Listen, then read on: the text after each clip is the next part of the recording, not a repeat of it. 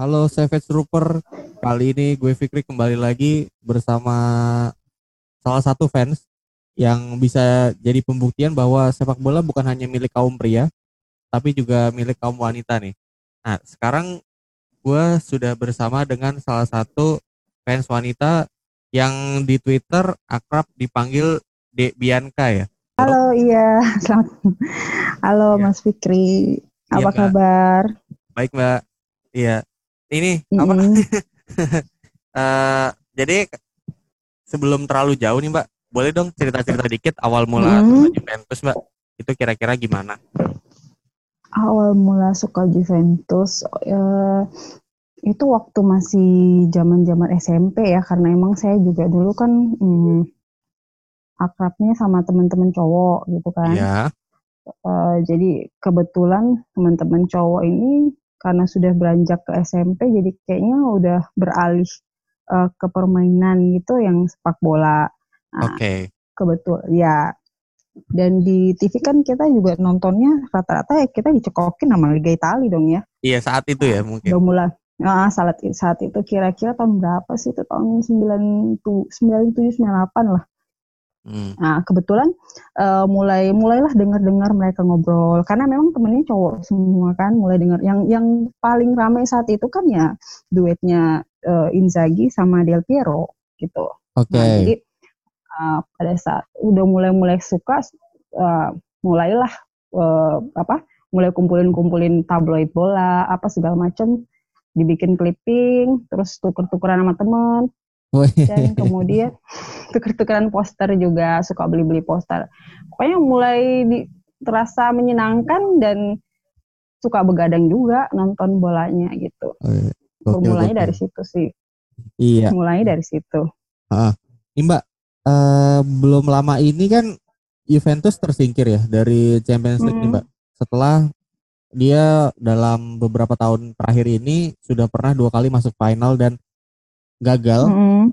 Dan- Mm-mm. Akhirnya kembali tersingkir juga di musim ini. Kira-kira komentar dari Mbak Bianca apa nih? Kegagalan Juventus ya? Kalau kegagalan Juventus eh, saat ini sih paling boleh dibilang paling menyedihkan, tapi sebenarnya lebih baik gitu. Apalagi kalau kita melihat yang paling terbaru pertandingan eh, Barca dengan Bayern itu kan. Jadi kadang-kadang tuh sebenarnya tuh kalau eh, kita melihat memang eh, Ya. sudah sewajarnya lah eh, tersingkir kan. Karena emang eh, Juventus berada di eh, apa berada di fase yang kurang baik eh, di bawah kepem- kepelatihan. Mungkin jadi udah udah udah istilahnya udah udah paling anjlok lah di bawah kepemimpinan Sari ini kan. Kemarin-kemarin kita masih bisa masih bisa istilahnya tole, tolerir ya oh iya Ya. ini kayak gini gini tapi eh, di sini pas kemarin wah ini eh, emang ada beberapa krisis di dalam yang yang emang belum ada belum bisa dipecahkan gitu jadi eh, ketemu sama Lium jadi emang kalau menurut saya yang nggak udah udah wa- sewajarnya seperti itu sih emang gitu Iya. beda sama yang kemarin-kemarin tahun-tahun kemarin ya Hmm. mungkin eh, dari segi pemain dari segi performa kita lebih baik kalau yang yang yang eh, musim ini emang bukan cuma di Champions League kan dari per- beberapa pertandingan terakhir eh, di liga juga Betul. performanya kan lagi lagi jelek emangnya Ya, jadi wajar kalau inkonsisten lah Mbak ya. iya benar banget jadi nggak konsisten gitu Iya. Nih Mbak, eh Mhm. saya mau nanya, kemarin nggak sengaja lihat retweet soal Mbak Bianca retweet soal Mandzukic nih, ya kan? Apakah menurut Mbak Iya, iya. Bianca Juventus masih perlu striker seperti Mandzukic gitu untuk saat ini ya, atau mungkin ke depannya gitu ya? Masih butuh sih eh, mungkin agak subjektif karena saya penggemar beratnya Mandzukic Oke tapi nggak apa-apa masih nggak apa-apa. masih butuh masih butuh ya. Eh, Mandzukic kalau untuk kalau nggak salah di musim 2018 itu kan salah satu pemain Juve yang mobilitasnya tinggi ya. Eh, Iya. jadi eh, kalau kita lihat kondisinya Juventus yang sekarang gitu ya butuh lah gitu. Butuh pasti butuh Mandzukic Eh, dan kita bandingkan lagi dengan nama-nama yang selalu ada nih yang beredar setiap hari yang dikait-kaitkan dengan Juventus seperti Edin Dzeko, Betul. Uh, siapa lagi? Uh, Morata. Iya. Uh, sampai sampai uh, Raul Jimenez juga, du, Hmm. Dufan Zapata. Tadi juga sempat ada yang ngomong apa? Karim Benzema. Dari di antara kesemuanya itu saya lebih berat ke Mandzukic. Kenapa? Karena ya udah udah udah pernah udah pernah ngerasain di Juve seperti apa. Jadi tidak perlu lagi beradaptasi. Dan kalau mau dilihat kan kalau Edin Dzeko kit- orang bilang kan striker eh, veteran ya dari umurnya ya. Betul, sama betul. sih dengan Mandzukic. Mandzukic juga sama-sama kan mereka kelahiran tahun 86 ya. Kalau Morata Morata itu sebenarnya bagus, pernah di Juve juga, tapi Betul. menurut saya dia belum konsisten, belum konsisten Oke. juga. Kalau Mandzukic dalam beberapa pertandingan kalau kita lihat dia lebih konsisten dan kita bisa lihat eh, kadang-kadang bisa cetak gol di saat-saat yang krusial gitu. Oke, Jadi Mbak. saya lebih saya pikirnya lebih butuh lebih butuh lah. Tapi tapi gini, Mbak. Saya setuju juga Hmm. gitu karena menurut saya gini, eh apa ya? Striker yang punya daya work rate yang tinggi itu di Eropa saat ini tuh benar-benar sangat dibutuhkan gitu dan Mandzukic adalah salah Mhm. satu striker yang mau mengorban mengorbankan egonya untuk kepentingan tim gitu. Jadi menurut saya Iya, penting sekali gitu sebenarnya ya. Dan bukan cuma saat sekarang sih Mandzukic seperti itu di waktu yang sama juga dia pernah setim dengan Edin Dzeko di Wolfsburg. Dia juga sampai eh, Iya, pindah iya. posisi kan. Dia sampai pindah posisi waktu itu kan karena betul. eh, pelatihnya pakai satu striker ya dia milihnya Zeko kan. Hmm. Jadi Mandzukic di bawah bu- di, dijadiin bukan jadi striker lagi. Jadi Jadi winger ya mungkin kalau nggak udah salah ya. punya pengalaman. Ah jadi ya Iya. kalau nggak salah jadi winger ya. Jadi kalau kita pikir-pikir emang ya dia bisa bisa bisa cetak gol di waktu krusial, dia bisa bantu eh, pertahanan. Pokoknya kalau lihat pertandingan Juve yang ada Mandzukic ngeliat lah.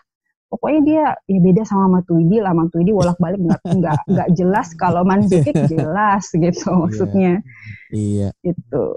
Ini Mbak, tapi kan Hmm. ada oke kita tadi udah ngomongin soal Mandzukic tapi tadi udah sempat disinggung soal Sari kan Sari kan akhirnya dipecat nih mbak penggantinya Mm-mm. yaitu sang Mm. legend ya maestro lah Mm-mm. bisa dibilang salah satu pemain yang su- sangat sulit untuk dibenci lah di Italia dan bahkan Eropa gitu Hmm, Andrea Pirlo benar-benar. menurut Mm-mm. Mbak Bianca sendiri apakah Andrea Pirlo sudah waktunya gitu karena menurut saya pribadi mbak ini masih terlalu cepat ya karena kan kalau nggak salah beberapa waktu Mm. sebelum penunjukan resmi dirinya menjadi pelatih tim utama Pirlo ini sempat jadi pelatih apa ya kore- silakan koreksi mbak pelatih tim B Hmm. ya? tim B atau tim juniornya gitu baru Oh, dua, beberapa tiga. waktu kemudian iya beberapa waktu kemudian akhirnya jadi pelatih tim utama gitu itu menurut Hmm. Bianca sendiri gimana tuh apakah sudah tepat Kalau kalau masalah tepat tidak tepatnya kita nggak bisa bilang tepat karena belum ada pembuktian selama ini bahkan setelah ditunjuk pun juga se- eh, untuk melatih eh, tim U23-nya Juve kan belum ada pembuktian juga kita Nah, lihat kan baru itu. 10 hari baru 10 hari kan jadi kalau kita hanya bisa berharap dari nama besarnya dia waktu dia Iya. jadi pemain sepak bola dia jenius banget tuh kan Uh, jadi kita hanya bisa berharap ini angin segar buat Juventus. Kenapa? Karena uh, fans Juve itu kan udah udah bahkan kalau saya pribadi sih enggak ya, uh, udah banyak udah dari dulu banget itu keluarkan hashtag tagar uh, Sari out Sari out karena banyak dari awal pun juga emang banyak yang tidak setuju karena Sari tidak punya uh, tidak terlalu punya pengalaman atau bahkan karena track recordnya dia dari Napoli gitu. Nah, setelah dia di Juventus kan kita kadang-kadang tuh mikir kayak menyimpulkan orang kok kayaknya eh, secara dia ngelatih dia nggak punya planning B gitu. Oke. Kalau misalnya dalam menghadapi lah, hmm, dalam menghadapi lawan gitu kan, Iya. eh, lawan kan beda-beda dong karakternya. Dia tetap pakai planningnya dia gitu, yang udah baku gitu kan betul nggak ada Betul. nggak ada istilahnya kalau kalau kita bicara nggak kalau kita bicara dia punya taktik tapi nggak Iya. ada kalau kita kita pinjam kata-kata eh, ruang taktik yang di Twitter itu dia bilang Oke. mikro taktik ya, gitu nggak Iya. ada nggak ada mikro taktiknya jadi seperti yang dilakukan misalnya kayak pelatih AC Milan gitu kan nggak ada jadi eh, dengan adanya dengan dia dipecat mungkin kita ada kayak how angin segar ah Juve bisa bisa deh jadi jadi semangat buat kita. Walaupun sebenarnya penggantinya ini Pirlo ini sebagai pelatih belum belum ada pembuktian Betul. belum ada belum ada pembuktian sama sekali. Tapi karena kita yang penting diganti deh gitu karena dicapek gitu iya, capek yeah, yeah. melihat Juventus bertanding akhir-akhir ini ya gitu-gitu aja terus. Belum lagi kalau dikaitkan kita selalu dapat hadiah penalti apa segala macam. Ya kita kita mau Juventus balik seperti yang kemarin-kemarin lah gitu yang ya lima musim lima musim yang lalu seperti gimana sih Juve gitu yang yeah. mungkin dengan dengan harapan besar kita ke Andre Pirlo itu bisa bisa kejadian gitu seperti yeah. itu. Uh -uh. Oke okay. ngomongin Juventus udah ada satu hal yang mm. menurut saya dan teman-teman Seves Football tuh mm. benar-benar menarik untuk ditanyakan nih ke Mbak Bianca yaitu mm. mengenai mm. menggambar Mbak. Ah, oke. Okay. menggambar. iya. Itu kan kalau kami lihat kan Mbak Bianca di Twitter kadang-kadang suka posting gambar-gambar gitu ya baik itu stadion atau mm. mungkin yang di, uh, gambar-gambar di luar sepak bola. Nah, mm itu emang basicnya udah apa ya? Udah udah pekerjaannya seperti itu kah atau hobi doang atau seperti apa tuh Mbak?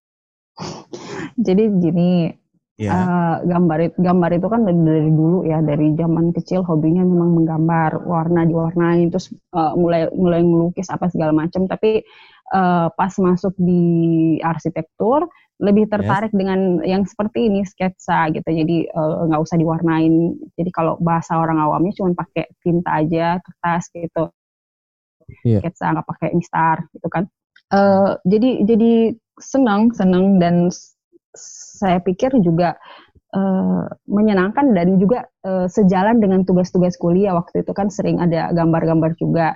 Jadi uh, terakhir waktu kuliah semester dua semester terakhir kan ada mata kuliah gitu yang membahas tentang bentangan lebar. Nah, itu salah satu bangunan bentangan lebar itu adalah stadion kan, iya. stadion yeah. anggar pesawat dan lain-lain. Nah, di situ, di situ mulai tertarik. Di situ mulai mulai beli buku dan bahas semua stadion-stadion mulai dari yang ada di Beijing dan stadion-stadion yang dipakai waktu luar biasa. Uh, jadi uh, di situ saya mencoba untuk gambar stadion pertama itu saya ingat apa ya yang Sapporo Dome gitu. Itu yang paling pertama saya coba gambar saya pelajarin uh, struktur dan konstruksinya apa segala macam. Akhirnya uh, tertarik. Nah, setelah setelah uh, perjalanan hidup membawa saya ke pekerjaan apa segala macam ke bidang-bidang lain akhirnya uh, saya jadi sadar oh, kayaknya mau balik lagi deh jadi ini sketsa-sketsa kemarin hmm. sempat lihat di di Twitter ada kayak forum-forum keren juga nih orang yang jadi urban sketcher kan bisa lihat yeah. mereka punya gambar kayaknya kayaknya aku juga bisa nih kayak gini mulai mulai mulai iya. akhirnya yeah setelah beberapa bulan eh ada perkembangan gambar kata orang-orang sih ada kemajuan dari dari dari cara tapi, menggambar tapi keren sih, Awalnya nggak seperti itu, cuman karena latihan setiap hari jadinya iya. ini jadi ada perubahan lah gitu. Iya. Oke, ada satu hmm. hal yang apa berkaitan gitu mbak, berkaitan dengan uh, hobi menggambar atau apa pun yang berhubungan dengan seni, yaitu mood ya. Nah, gimana caranya tuh mbak ngatur mood? Maksudnya kayak misalnya lagi pengen nggak ngegambar uh, stadion mana di Italia gitu terus habis itu ngatur moodnya tuh gimana tuh mbak? Biar bisa kelar oh kelar dua hari tiga hari gitu itu ngatur moodnya gimana tuh mbak? Mungkin mungkin karena udah. Iya mungkin pendengar di sini Savage Trooper mungkin ada yang mau mulai gambar-gambar nih mbak. hmm. Jadi ceritanya itu kan karena punya tekad gitu kan. Jadi awalnya okay. kalau uh, kalau mau mau menjadikan sesuatu itu harus banyak latihan gitu. Betul sekali. Latihan itu dengan cara kita mengorbankan waktu kita dong. Jadi pada yeah. saat orang udah tidur atau waktu istirahat kita kita korbanin yeah. untuk latihan-latihan atau apa. Itu kan hobi kita. Jadi ya kita korbanin sebagian waktu kita. Latihan ya ada ininya, ada istilahnya ada kalau sekolah ada kurikulumnya lah. Kayaknya ada kayak time schedule-nya gitu. Jadi minggu pertama sih bulan pertama sih belajar ini bulan kedua ini bulan ketiga ini bulan keempat ini. Nah sampailah sekarang sih udah di bulan keberapa ini? Saya mulai dari Oktober. Sekarang udah bulan Agustus. Udah mau hampir udah hampir ya, setahun udah ya? mau, udah mau hampir setahun. Jadi jadi dan udah hampir setahun menggambar setiap hari satu hari satu gambar gitu.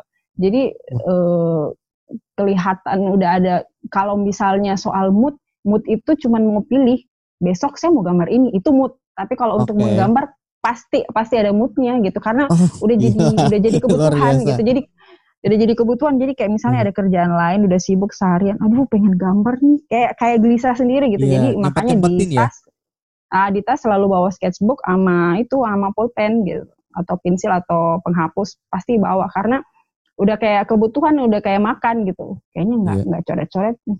agak-agak lain nih rasanya gitu Iya. seperti itu setiap hari gitu Iya, Mbak. Nah, ini tapi adakah gambar soal sepak bola yang ingin Hmm. dibuat tapi belum terrealisasi nih, Mbak? Kalau boleh tahu gambar apa tuh? Mungkin proses pengerjaannya rumit atau eh, apa namanya butuh mungkin ngeliat langsung atau gimana? Iya kalau misalnya kalau gambar kan pengen kayak eh, pengen langsung di di tempatnya lah gitu. Di- misalnya kalau mau gambar mau gambar eh, Old Trafford pas lagi di depannya gitu gambar. Pokoknya pengen gambar langsung nggak kayak Oke. sekarang sekarang cuma bisa lihat di di, di apa di eh, gambar-gambar di apa di internet terus kita gambar ulang ya pengennya gambar langsung gitu. Lebih ada feel-nya kan gitu. Hmm. Tapi semoga lah semoga. Amin. Gila, luar biasa. Tapi Mm. Tap- ini ini ini penting nih mbak udah ada Hmm. niatan gak tuh untuk ada niatan ke misalnya ke YouTube gitu atau mungkin udah ada saya nggak tahu gitu Ah, kalau YouTube emang belum ada lagi coba direncanain. Mungkin saya benerin benerin ini dulu lah, benerin skill-skill saya dulu gitu. pasti Baru pecah sih coba untuk di YouTube.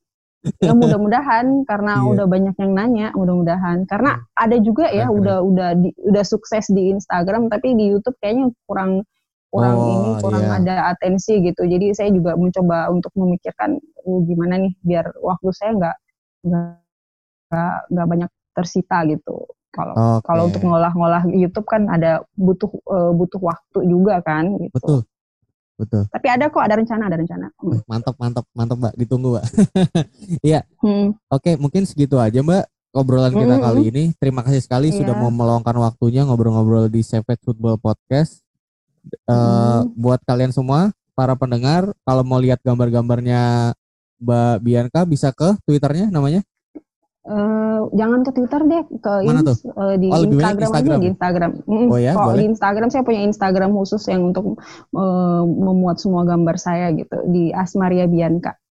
Oke, iya. Kalian langsung cek ke sana kalau mau Mm, lihat-lihat gambarnya keren sekali iya gitu. kalau mau dilihat. Mm. Iya, iya. Sekali lagi terima kasih Mbak dan Iya, untuk kalian sampai jumpa di episode-episode lainnya. Dadah. you